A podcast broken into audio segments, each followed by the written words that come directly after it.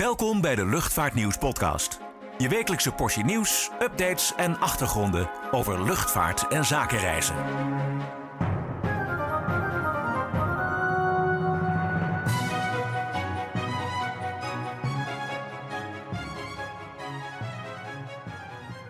Hallo en welkom bij weer een nieuwe aflevering van de Luchtvaartnieuws podcast.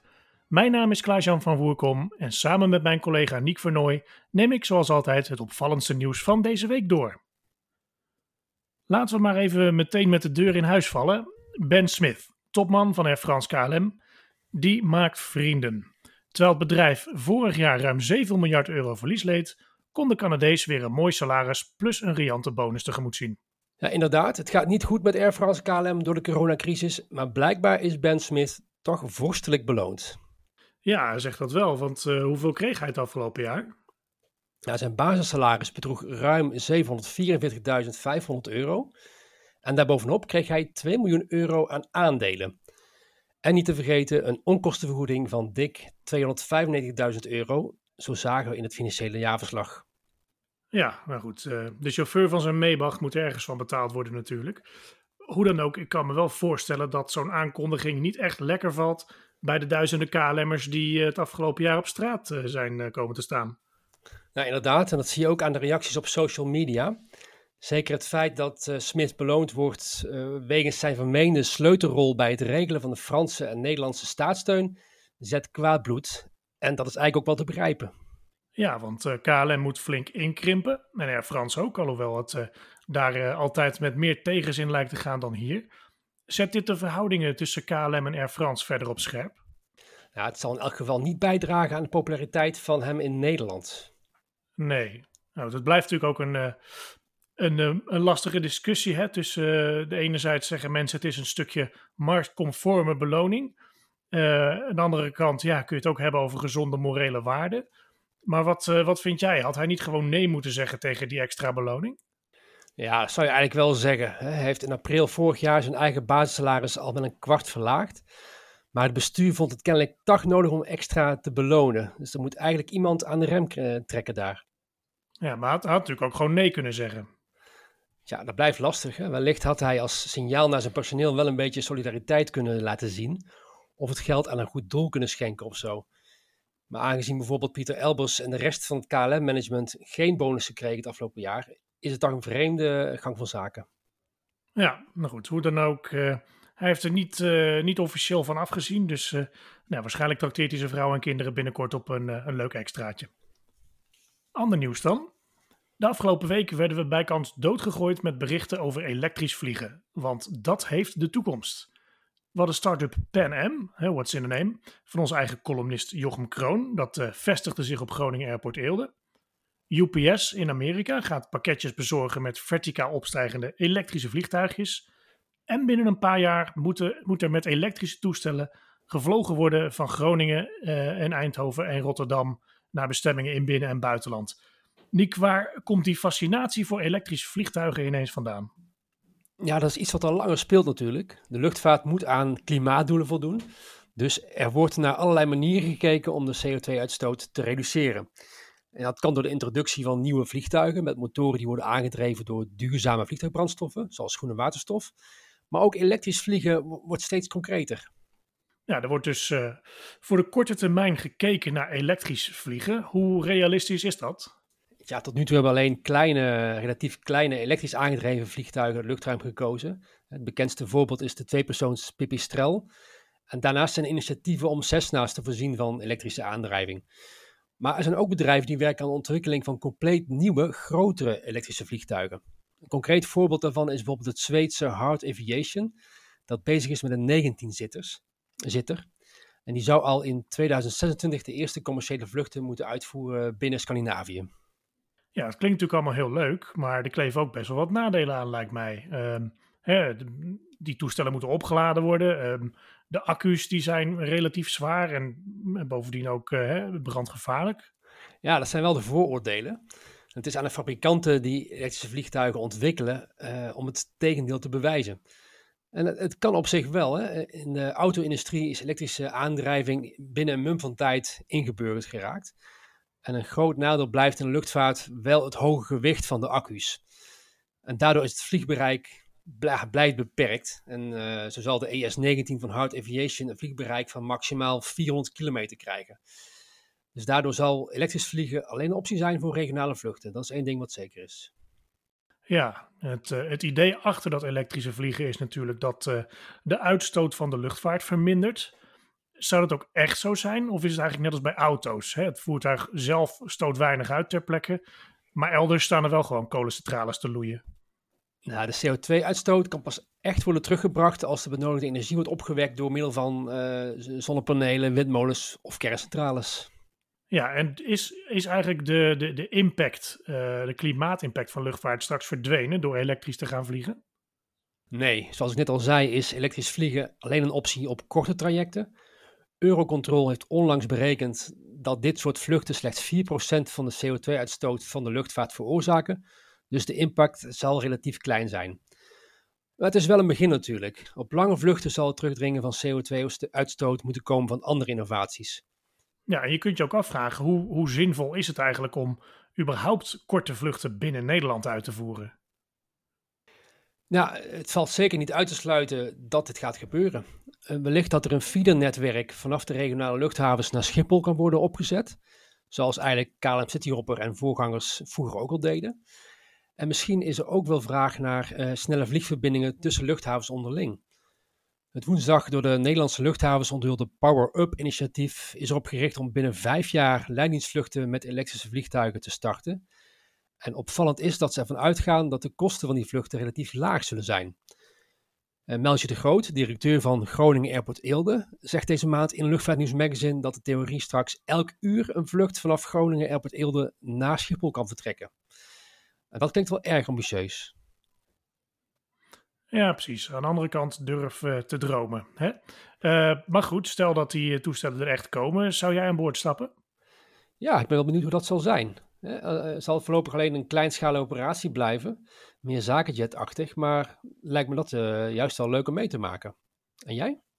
Ja, nee, ik zou wel durven op zich, maar ik stap eigenlijk liever in een gewoon vliegtuig. Een beetje afhankelijk van hoe comfortabel zo'n klein toestel uh, zit.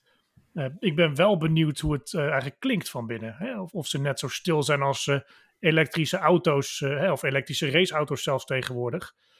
ja, volgens mij hoor je dan straks als je erin zit alleen nog maar het geruis van de lucht en het gepraat van medepassagiers. klopt. en dat is ook wat je bij zo'n pipistrel hoort als hij voorbij komt vliegen. En wel ideaal voor omwonenden in dat geval. Ja, precies. Ook uh, de geluidsoverlast van klagende Schiphol-tegenstanders die zal een uh, stuk minder worden. Win-win in dat geval.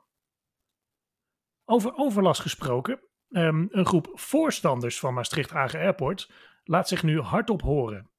Door het project Buurmaan, dus uh, dat is niet Twents, maar Buurman, maar dan met de MAA van Maastricht Hagen Airport erin.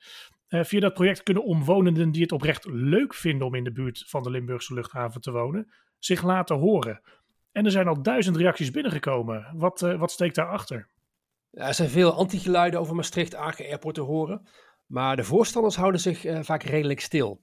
De actiegroep We Love MAA wil juist een tegengeluid laten horen.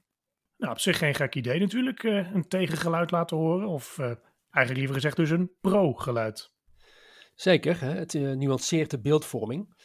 Natuurlijk blijft geluidsoverlast bestaan, maar je moet het denk ik wel in perspectief zien. Kijk naar Schiphol. Daar komen soms klachten uh, over binnen van mensen die 100 kilometer verderop wonen. En de meeste klachten worden ingediend door een relatief kleine groep klagers. Ja, precies. Nou goed, nou bekennen de initiatiefnemers van project Buurman ook wel hè, dat, uh, dat dit wat zij doen natuurlijk niet echt representatief is. Ja, klopt. Dat is wel zo eerlijk om dat te zeggen. En eigenlijk geldt hetzelfde voor klagers. Daarbij hoor je ook nooit wie er geen last heeft van vliegtuiggeluid. En dat is het lastige. overlast is meetbaar, maar ook deels subjectief. Waar de een zich over opwindt, haalt de ander de schouders over op. Ja, dat is ook weer zo. Goed, we gaan even kort naar de reclame en we zijn zo bij je terug. Word nu abonnee en ontvang 12 keer per jaar het Luchtvaartnieuws magazine. En onbeperkt toegang tot nieuws en achtergronden op luchtvaartnieuws.nl en zakenreisnieuws.nl. Ga voor meer informatie naar luchtvaartnieuws.nl/slash abonneren. Welkom terug. Nou, we maken van Maastricht even een stapje naar onze zuiderburen, want er zijn nieuwe ontwikkelingen bij Air Belgium. Er zit namelijk een lijndienst naar Curaçao aan te komen. Niek, hoe, wat en wanneer? Het plan is om vanaf 3 juli twee keer per week van Charleroi naar Curaçao te gaan vliegen. Met zowel op de heen- als terugweg een tussenstop op Martinique. Nou, concurrentie voor KLM en TUI Fly dus, zou je zeggen. Ja, op zich wel. Tickets worden al aangeboden vanaf 586 euro, inclusief bagage en maaltijden. Maar dan ben je dus wel langer onderweg met die tussenstop erbij. Ja, plus je moet er helemaal voor naar Charleroi. En dat is voor de meeste Nederlanders best wel een eind rijden. Ja, het ligt eraan waar je woont. Vanuit Groningen is het 4,5 uur rijden. Maar vanuit Maastricht is het nog geen anderhalf uur. Dus dat is uh, zelfs dichterbij dan Schiphol vanaf daar. En ook vanuit de regio Breda, Tilburg en Zeeland is het prima te doen. Nou, dan kijken we eventjes naar Air Belgium. Uh, dat is natuurlijk wel even een andere luchtvaartmaatschappij dan TUI of KLM. Zeker, hè? ze vliegen met de Airbus A340-300, wat in deze tijden toch nog redelijk uniek is. Want er zijn weinig maatschappijen die nog met dat type vlieg, uh, vliegtuig vliegen. En aan de andere kant heeft Air Belgium, wat zich profileert als een vakantiemaatschappij, wel een echt business class aan boord. En die heeft TUI dan weer niet. Nou, klinkt best wel interessant dan eigenlijk. Zeker, ik zou zo meevliegen. Ja, ik weet niet of ik mijn vrouw zo gek krijg, maar mij lijkt het ook wel uh, interessant om met een A340 naar Curaçao te gaan. Je kan dan trouwens ook gewoon een enkele reis boeken en dan vlieg je gewoon rechtstreeks terug naar Nederland met KLM of TUI. Ja, maar staat wel je auto nog in, Charleroi. Ja, nou dan uh, koop ik wel een nieuwe. Goed, we switchen van uh, de oude A340 naar de nieuwe Boeing 737 MAX, want dat type is weer steeds meer in de lucht te zien. En ook de verkopen trekken aan, hè? Klopt. Flight Dubai vliegt er nu ook weer mee. Het Roemeense Blue Air en het Wit-Russische Belavia ontvingen hun eerste toestellen. Kortom, positief nieuws over de MAX. Zeker. En uh, nou ja, ook de orderboeken beginnen weer voorzichtig vol te lopen. Ja, op zich wel. Boeing heeft natuurlijk behoorlijk wat annuleringen te verwerken gehad. Maar het is bemoedigend uh, voor ze om te zien dat er toch weer belangstelling ontstaat. Ja, want welke orders hebben we nu de afgelopen tijd gehad? Alaska Airlines bestelde er 23. Het moederbedrijf van het Canadese Flair Airlines 24. En de klapper was natuurlijk Southwest Airlines, dat er nog eens 100 bestelde, plus 155 opties. Zij zijn straks verreweg de grootste gebruiker van de MAX met meer dan 600 toestellen. Ja, dan werd deze week ook de MAX 8200, ook wel de MAX 8 200 genoemd, goedgekeurd door de Europese luchtvaartautoriteit EASA. Wat is dat dan voor versie?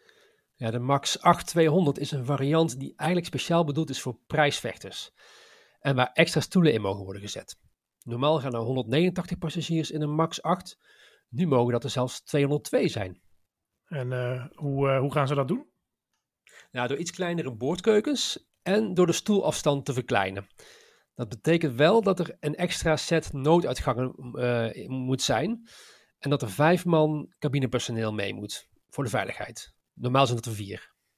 Ja, ja precies. Eigenlijk een beetje hetzelfde wat uh, EasyJet destijds deed met de Airbus A319. Hè? Daar hebben ze ook een extra set uh, nooduitgangen uh, nou, in laten zetten. Besteld met extra nooduitgangen erin. Maar goed, die, die MAX 8 200 of 8200, heeft Boeing daar ook klanten voor weten te vinden? Ryanair is de eerste klant met 210 toestellen in bestelling. Binnenkort wordt de eerste afgeleverd. Voor de zomer hopen ze er al 16 in dienst te hebben. Ook Vietjet in Vietnam wil er mee gaan vliegen. Nou, het klinkt in elk geval als lekker krap zitten. Ja, op zich zou de verminderde beenruimte door dunnere stoelen deels moeten worden opgevangen, maar inderdaad, ruim wordt het niet. Nou, nu maar hopen dat maatschappijen als KLM en Transavia niet op uh, ideeën komen. Nee, inderdaad.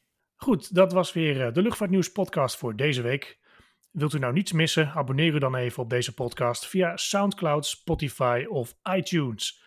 En zoals altijd, lees het laatste luchtvaartnieuws op onze website www.luchtvaartnieuws.nl. En vergeet ook ons zusje zakenreisnieuws.nl niet voor het laatste zakelijke reisnieuws. Vanaf deze plek een fijn weekend en tot volgende week. Bedankt voor het luisteren naar de Luchtvaartnieuws podcast. Voor opmerkingen, vragen of suggesties, mail ons redactie@luchtvaartnieuws.nl. Een fijne dag en graag tot de volgende podcast.